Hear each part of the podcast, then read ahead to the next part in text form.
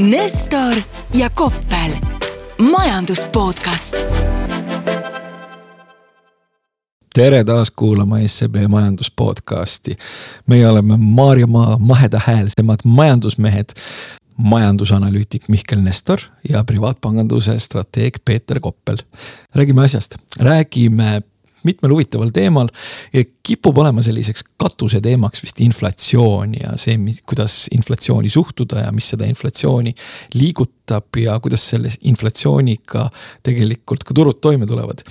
et äh, eelmine nädal tegelikult tekitas sellise olukorra, kus siis paistis nagu, et Ühendriikides hakkab inflatsioon veidikene justkui järgi andma. kuidas sellega oli, Mihkel? ja, ja sellega on läbi, nüüd inflatsioon sai otsa selles mõttes, et äh, Eestis oli, on ju kahekümne viie prossa asemel viimati siin kakskümmend kaks pool ja. USA-s siin äh, oktoobris kõigest äh, kuus koma kolm. analüütikud ennustasid kuus koma kuus ja näed, milline suur õnn sellest saabus kui sa mõtled õnne all seda, mis nagu turgudel juhtus, siis minu arusaam on küll see, et sellel on selle võib-olla selle inflatsiooninumbriga nagu suhteliselt vähe pistmist, et see oli lihtsalt selline väikene säde, mis äh, süütas leegi ja see leek süttis ikkagi sellepärast, et äh, noh, kuidas nüüd öelda. kipub olema niimoodi, et kui laiad massid arvavad, et nad teavad, mis tulevikus sündima hakkab, siis see tulevik põhimõtteliselt on vastupidine. ehk siis hästi palju institutsionaalseid investoreid istus väga suurte rahapositsioonide otsas. nii, üks asi. teine asi tegelikult ka see, et kui me mõtleme nagu võib-olla Wall Streeti igasugustele sellistele boonusskeemidele.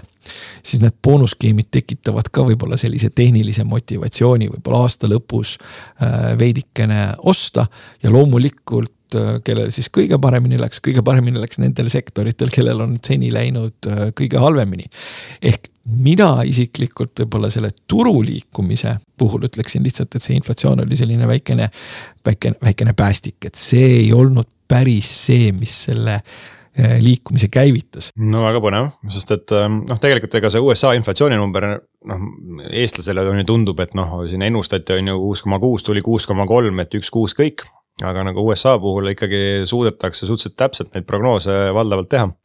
ja noh, see näiteks kuu, kuu võrdluses on ju, tuli inflatsiooninumber ainult null koma neli protsenti, ennustati null koma seitset. et äh, selle poolest nagu päris selline nagu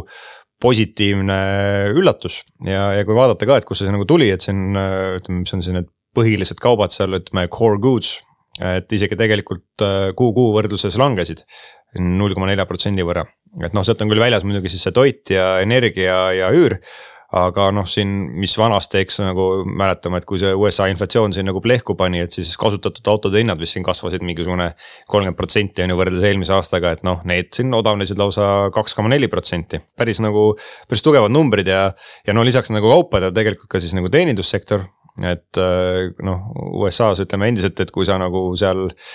mõne terviserikke saada, et äh, siis üldiselt on nagu mõistlik nagu ilmselt nagu elukünnal ise nagu lõpetada, aga, aga juhul, kui sa seda ei tee, et siis meditsiiniteenused läksid null koma kuus protsenti odavamaks ja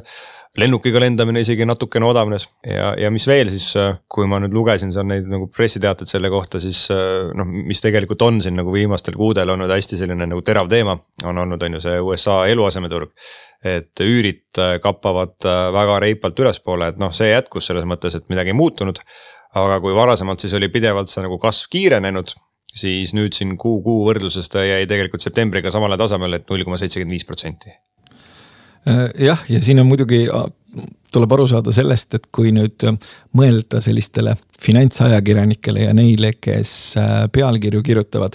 siis äh, noh, väga sageli võetakse, leitakse ikkagi mingisugusest konkreetsest pealkirjast või tekitatakse pealkirja ja äh, turu liikumise vahel selline suhteliselt vägivaldne seos. ja mis siis nagu selle seose tekitaks, oli see, et äh, kui nüüd inflatsioon justkui järele annab. et siis ilmselt föderaalreserv võtab veidikene rahulikumalt, et järgmine kord tõstab intresse vähem. Ja ühel hetkel võikski tekkida võib-olla sinna kuskile viie protsendi juurde mingisugune intressiplatoo ja põhimõtteliselt ka ühel hetkel hakkaksid intressid äh, allapoole minema. aga noh, mina leian, et see on võib-olla veidikene natukene liiga julge prognoos lihtsalt sellepärast, et kui sa seda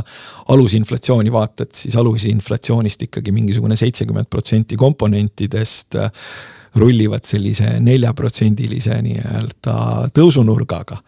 et see on nagu väga selgelt selline olukord, kus äh, föderaalreservi nii-öelda mingi pehmemaks muutumine on äh, suhteliselt selline noh, liiga suur lootus no nii palju, kui mina lugesin ka mingisuguseid artikleid selle kohta, et noh, mulle võib-olla nagu see ei paistnud silma nüüd, et noh, nüüd on nagu korras, et nagu föderaalreserv lõpetab ära, eks et mis see turuennustus täna on, et detsembris meil on jälle null koma viie protsendine nagu intressitõus seal ootamas, eks. aga, aga noh, paratamatult ühel hetkel see platoo peab on ju saabuma ja, ja täna sellised võib-olla nagu noh optimistlikud inflatsiooninumbrid, et annavad siis noh, natukenegi mingisugust manööverdamisruumi. et oletades siis, et USA-s ka nagu majandusolukord üks hetk kõik hakkab rebenema seetõttu, et intressimäärad nii kiiresti on tõusnud siis äh, noh, saab ka natuke silmas pidada seda, et mis siis ikkagi majanduskasvust saab ja mis nagu tööturust saab, et mitte siis nagu ainult inflatsioonile keskenduda. Äh, jah, ja praegune arusaam on nüüd selline, et kuskil järgmise aasta keskel võiks Ühendriikides inflatsioon olla kuskil neli protsenti. ja neli protsenti on poole suurem kui Föderaalreservi taotlus ehk kaks, nii et äh, no natukese, natukesega peab leppima, aga, aga ma täna nüüd seda ei ole vaadanud, mis siis nagu turuennustus on, et kuhu meil siis see peamine intressimäär seal USA-s jõuab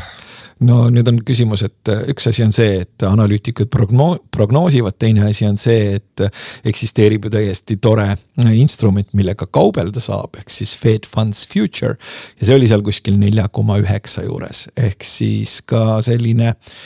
noh, see ei ole mingisugune, ta ei ole nüüd hirmsamal kombel liikunud võrreldes, võrreldes selle ajaga, kui kui siin veel leiti, et võib-olla Fed on natukene, natukene kurjem ja see inflatsioon tundus veel hirmsam, kui ta praegu tundub. no sest et eks seal olegi tõenäoliselt ju mingisugune nagu kujuteldav ülempiir, et noh, mingist hetkest, et on see inflatsioon, mis ta on, aga, aga sealt nagu kuidagi üle minna ka ei saa, et äh, siis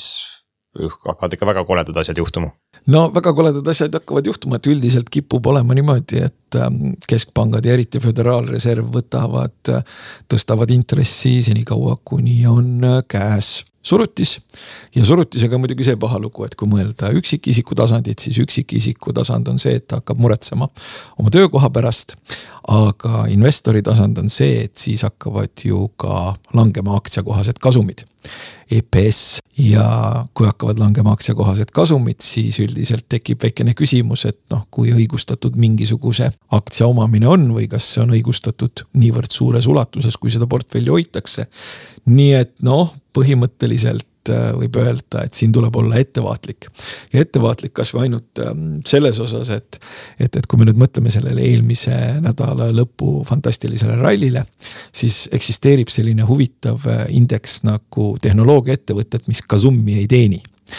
ja mis sa arvad, mitu protsenti see indeks, mis sisaldab endas tehnoloogiaettevõtteid, mis kasumi ei teeni, et palju see nagu paari päevaga üles läks? No ma tahaks nagu arvata, et äkki ei läinudki ülesse. Läks üles kakskümmend viis protsenti see muidugi ei ole nagu minu jaoks nagu väga hea uudis. aga noh, sa ütlesid, et äh, institutsionaalsed investorid on kuidagi siis nagu rahakotirauad uuesti avanud, et kas ma siis pean tõlgendama seda, et see ei olnud mingisugune karutururalli, vaid et äh, noh, nüüd hakatakse ikkagi nagu raha tagasi panema turgudele või see võetakse sealt ka nagu sutsti nagu välja jälle?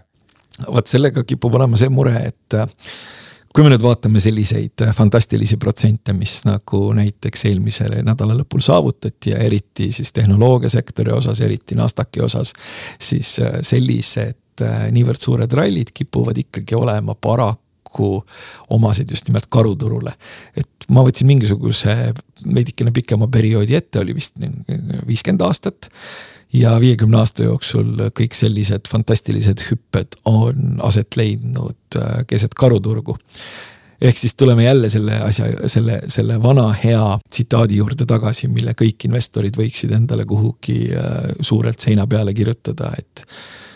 turg käitub alati lühikeses perspektiivis nii, mis teeb kõige rohkem haiget võimalikult suurele osale turuosalistest. ja selline turukäitumine on täpselt selline. aga no ütleme, süsteemis on ju raha on alles, inflatsioon on äh, kiire et noh, isegi kui siit jälle mingi kukkumine tuleb, et äh, mulle tundub, et neid nagu rallisid jääb meil ikkagi olema veel edaspidi ka tõenäoliselt. Neid rallisid jääb olema ja, ja põhimõtteliselt on erakordselt suur tõenäosus, et äh, et, et see aasta on ikkagi, et, et siin juhtub veel üht-teist positiivset ja seda just nimelt nagu ma mainisin, et kui me mõtleme sellisele mm, Wall Streeti äh, preemia nii-öelda süsteemile ja selle tehnilistele põhjustele, siis tegelikult äh, sellised varahaldurid, kes on siis, kelle numbrid ei ole sellel aastal olnud eriti head, siis nende motivatsioon ralli tagaajamiseks on tegelikult päris, päris suur. ehk siis nad üritavad võib-olla natukene tasa teha seda, mis neil on sellel aastal halvasti läinud ja kui neil on sellel aastal halvasti läinud ja selliseid tasategijaid on palju, noh siis te saate ise aru küll, mis turuga juhtuda võib. ma just ise hakkasin mõtlema, et äh, tuleb nagu hea aasta hindamaks nagu Peeter Koppeli osavust oma töös. et äh, volatiilsus pidi nagu sinusugustele meestele võimalusi pakkuma, et eks me siis äh, kontrollime pärast. no võib kontrollida küll, et selle kohta ma võin öelda julgelt, et meie, me oleme hoidnud äh, privaatpanganduse portfellides tegelikult traditsioonidega, traditsiooniga võrreldes suhteliselt nagu ikkagi väga suurt raha osakaalu. ja oleme üritanud ka võlakirjade puhul äh, duratsiooni hoida kohutavalt nagu lühikesena. ja, ja seetõttu noh, miinus on, aga see miinus ei ole mitte midagi äh, nii-öelda koledat, et väidetavalt ja, ja no mis ma siin olen vaadanud ka, et mis maailmas on toimunud, et siis üldiselt need miinused, mis on suudetud genereerida selliste traditsioonilisemate lähenemistega on, on selgelt suuremad, et. selline klassikaline kuuskümmend, nelikümmend äh, portfell, mille kohta öeldakse, et see on kõige optimaalsem allokatsioon, mis üldse saab olla, et noh, sellel ei ole olnud hea aasta. muidugi eelmise töönädala lõpp oli sellisele portfellile väga hea siin äh, traditsioonilisusest rääkides tüüriks selle jutu nüüd äh, natuke kodule lähemale ja räägiks äh, Euroopa olukorrast tõusvate intressimäärade keskkonnas. et siin eelmine nädal just Euroopa Komisjon avaldas siis järjekordsed mõtted, et kuidas jumala eest need nagu lõunapoolsed Euroopa riigid panna nagu oma eelarvereegleid järgima, mis neil nagu Maastrichti leppes kirjas on, et noh, teame, et riigivõlg ei tohiks meil teoreetiliselt ületada kuutekümmet protsenti noh, eelmine aasta meil siin kahekümne seitsmest riigist oli kolmteist selliseid, kes seda suutis järgida noh, Kreeka, Itaalia, Portugal on ju tegelikult on nagu sellest nagu kuuekümnest protsendist kaks korda üle ja alla siis selle kolme protsendise eelarve defitsiidiga oli ainult kaksteist riiki. et äh, noh, tegelikkuses äh, siiamaani pole seda suudetud järgida, aga siis komisjon avaldas nagu uued mõtted, et kuidas sinna jõuda. et ei hakka niimoodi sihuke nii-öelda dumb rule'iga seda kuidagi mõõtma, et kas see aasta on või ei ole vaid et hakatakse siis paika panema selliseid personaalseid plaane, et noh, ütleme, sa lähed nagu sinna MyFitnessisse ja oled nagu mis see eesti keeles see vaste on sellele obesne või? ütleme rõvedalt ülekaaluline ja siis keegi ei ütle sulle kohe, et nüüd mine jookse nagu seda Cooperi testi siin kaheteist minutiga, et sulle tehakse plaan ja hakatakse siis nagu pikema perioodi vältel nagu sinuga koos sul nagu kätt hoidma, et sa ikka suudaksid nagu oma kaalunormi saada ja samamoodi siis lõunapoolsed Euroopa riigid oma, oma võlakoormuse kontrolli all, aga noh. ütleme nii, et mul ei ole nagu väga, väga suurt usku sellesse, kui hästi neil see õnnestub. no kui sa sellise MyFitnessi näite tõid, siis sellega on jällegi see lugu, et kui me nüüd vaatame seda, kuidas sellised plaanid ja selline lähenemine ajalooliselt on kulgenud, et siis kipub ikkagi olema niimoodi, et noh, oletame, et sellel äh, veidikenegi, veidikene ümaramal härrasmehel, et oletame, et sellel on tore tüdruksõber. ja siis tal plaaniga läheb juba päris hästi ja siis tüdruksõber näiteks jätab ta maha. Siis äh, ta kipub kohe hakkama jällegi nagu õhtul äh, iga õhtu kilo jäätist sööma.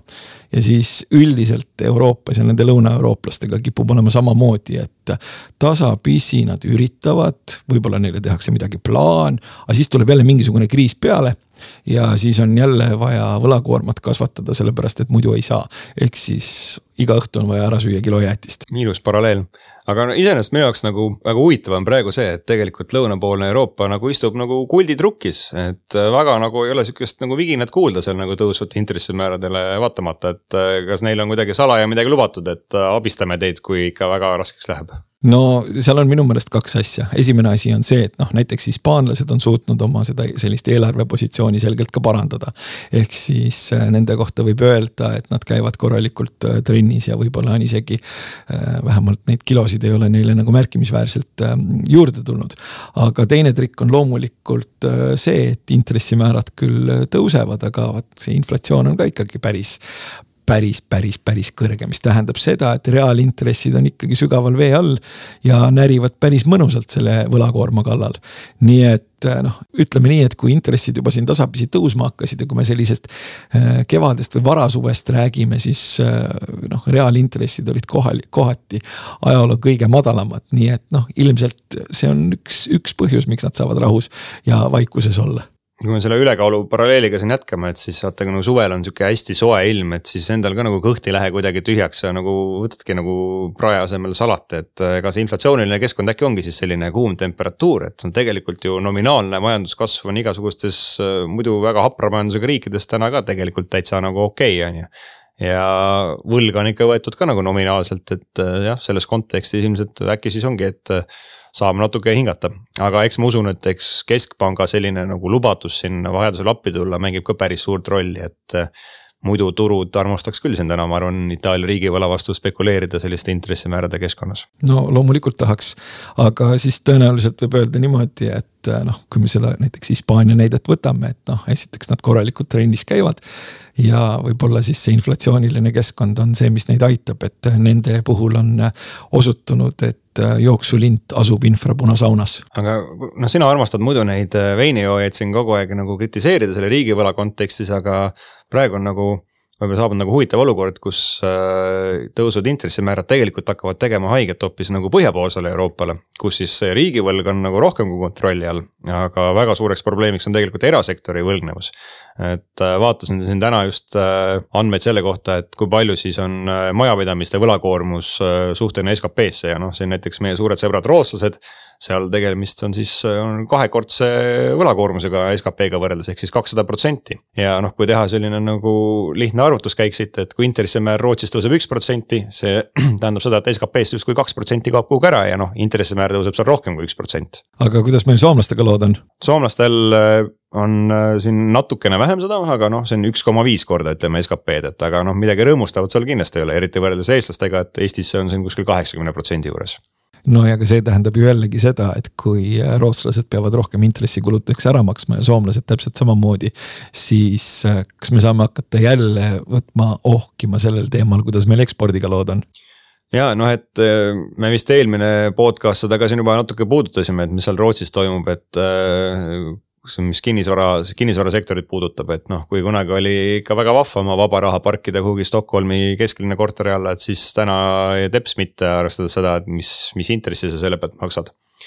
ja noh, laiemalt, et ega sellised head ajad võib-olla nagu on siis tõesti selliste riikide erasektori jaoks praegu läbi, et äh, tuleb hakata nagu püksirihma pingutama ja võib-olla solidaarsus Lõuna-Euroopaga suureneb. noh, nendega on võib-olla natukene siiski keeruline solidaarne olla ja tegelikult ega ma nüüd äh,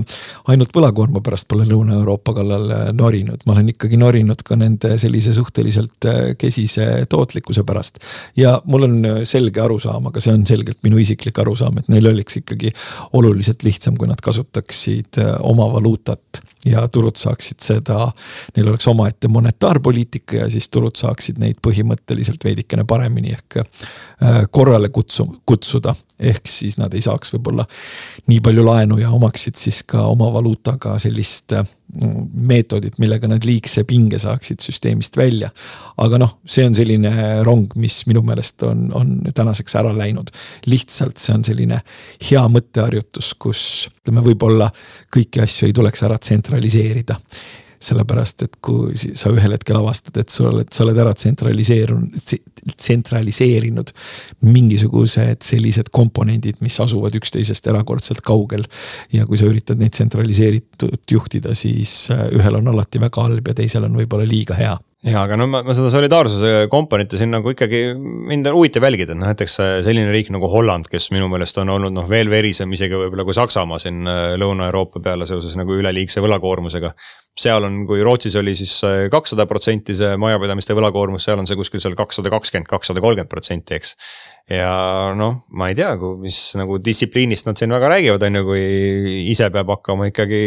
selliselt jõuliseid intressimakseid iga kuu nagu tasuma aga mis asja nad selle kahesaja kahekümne protsendi eest ostnud on? Hollandis oled käinud, väga ilusad majad on seal, et tead, kinnisvara ei meeldi ainult eestlastele, vaid ka tundub, et teistele rahvustele jah, aga kinnisvaraga meenub mulle kohe muidugi see lugu, et noh, teatavasti arenenud maailma majandus ikkagi on see, et kõigepealt äh, juhtub Ameerikas midagi ja siis äh, teised, teist, teised tulevad järele. või siis üritavad nagu maha teha või maha kirjutada, nagu näiteks Euroopa Keskpank Föderaalreservilt. aga näiteks Ühendriikides juhtus kinnisvaraga midagi väga huvitavat siin eelmise nädala lõpus. nimelt kinnisvara selline ostukõlblikkus või kuidas ma nüüd ütleks, ostetavus või siis selline ostuvõimekus, ostuvõimelisus, vot see on, see on oluline, ostuvõimelisus on kui madal? ajaloo kõige madalam ehk siis seda on aastakümneid ja aastakümneid üritatud hinnata. ja hetkel kogu nii-öelda majanduskeskkond, kõik need komponendid, mis sinna indeksisse sisse laotakse, on tekitanud olukorra, kus halvemat hetke kinnisvara ostmiseks olnud ei olegi. No eks siis üks tuleb teisele järele, kas, kas hinnad või palgad Äh, tõepoolest, aga see ilmselt ikkagi viitab ka sellele, et äh, noh, ega meie siin ka tõenäoliselt mingisugusest natukene äh, suuremast langusest pääseda ei pruugi muidu selle noh, kui need hollandlased siin jõud, nagu jutuks tulid, et siis vaatasin, et oli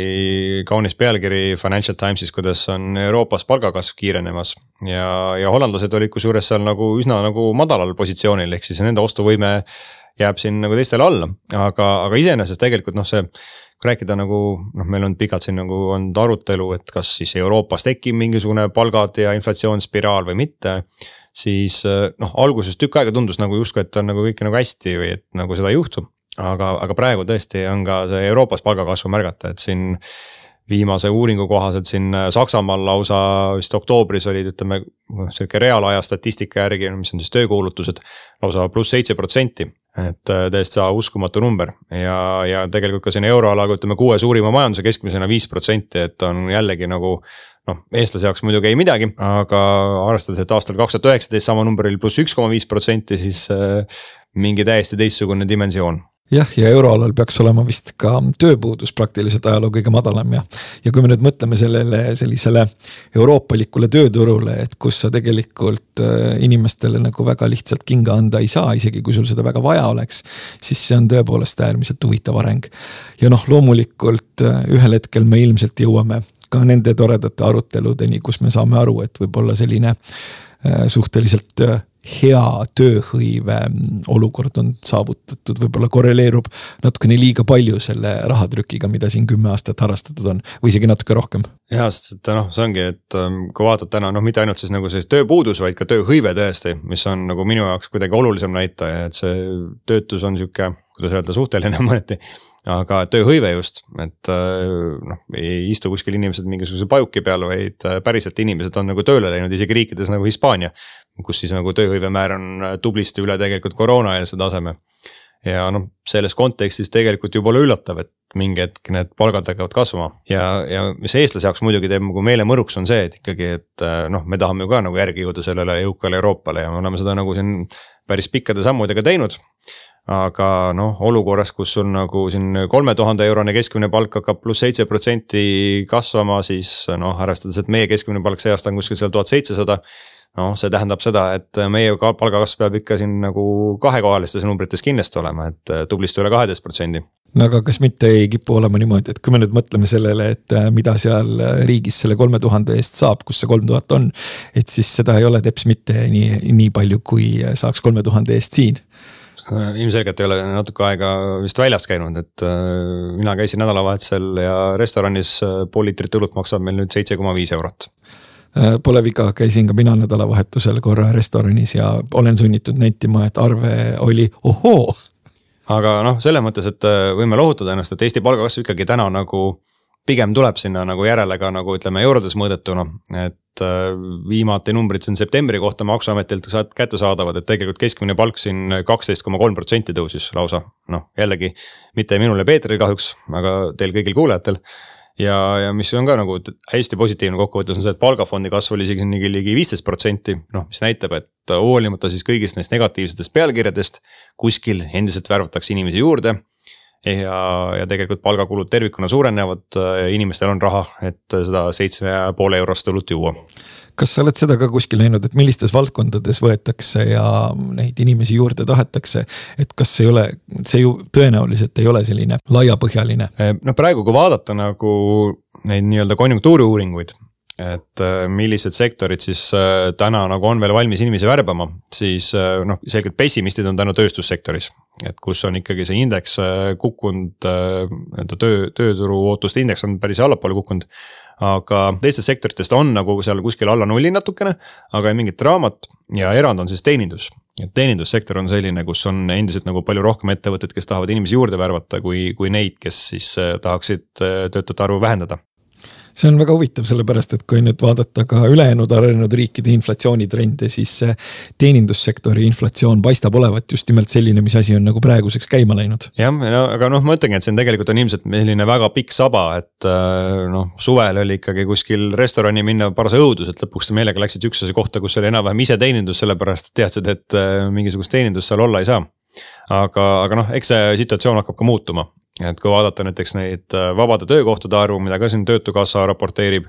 et kui siin ütleme, tipp oli kevadel oli siin peaaegu kümme tuhat vaba töökohta, siis äh, septembris oli kuus tuhat ja nüüd oktoobris isegi alla viie tuhande. et äh, tegelikult see number nagu tuleb allapoole ja eks nagu ettevõtted tervikuna muutuvad nagu pessimistlikumaks ja noh, ettevaatlikumaks, et ei tea ju, mis nagu järgmised kuud toovad. ehk siis vabade töökohtade arv ei ole äh, tekkinud mitte sellepärast, et need töökohad oleks äh, ei ole vähenenud mitte sellepärast, et need töö, töökohad oleks ära täidetud, vaid sellepärast, et ettevõtted on aru saanud, et võiks nagu ennast koomale tõmmata. jah, ja, ja, ja noh, võib-olla teenindussektor ongi selle poolest nagu noh, arusaadav erand, et noh, kui sa ikka nagu restoranis pole nagu ettekandjat võtta ja need kliendid tulevad seda seitsme ja poole eurost õlut jooma, siis äh, noh sa pead ju värbama, et sul ei ole, ei jää mitte midagi üle, et noh, sa ei saada nagu inimesi ukse taha või sa ei saa lubada, et seal mingisugune katastroof on, kui sul lõpuks enam ükski klient seetõttu tagasi ei tule. et seal selline nagu see viiteaeg on võib-olla hästi lühike, on ju, et noh, täna on kliente, järelikult täna mul peab seal ka teenindaja olema tööstussektoris sa saad võib-olla seal kuidagi noh, natuke rohkem valida, et kas sa täna võtad mingi suure tellimuse vastu või mitte. mitte, et neid tellimusi siis praegu liialt palju neil oleks ilmselt neid tellimusi tõepoolest ei ole ja selles mõttes siin tuleb ikkagi ka nagu ära mainida seda, et siin me, siin me oleme nagu sõbralikult omavahel äh, veidikene vaielnud, et mina olen siin tööstussektorit veidikene kaitsnud ka, et noh. Nendel oli erakordselt halb, äh, halb õnn äh, nii nii-öelda mitmel tasandil, et kõigepealt kõigepealt juhtus see, et nende eksporditurgudel läks asi keerulisemaks, eks ole, siis läks raha kallimaks, siis läks energia päris kalliks, siis oli võib-olla mingisuguste materjalide hindadega mingisuguseid probleeme, et. Nad said neid lakse võib-olla natukene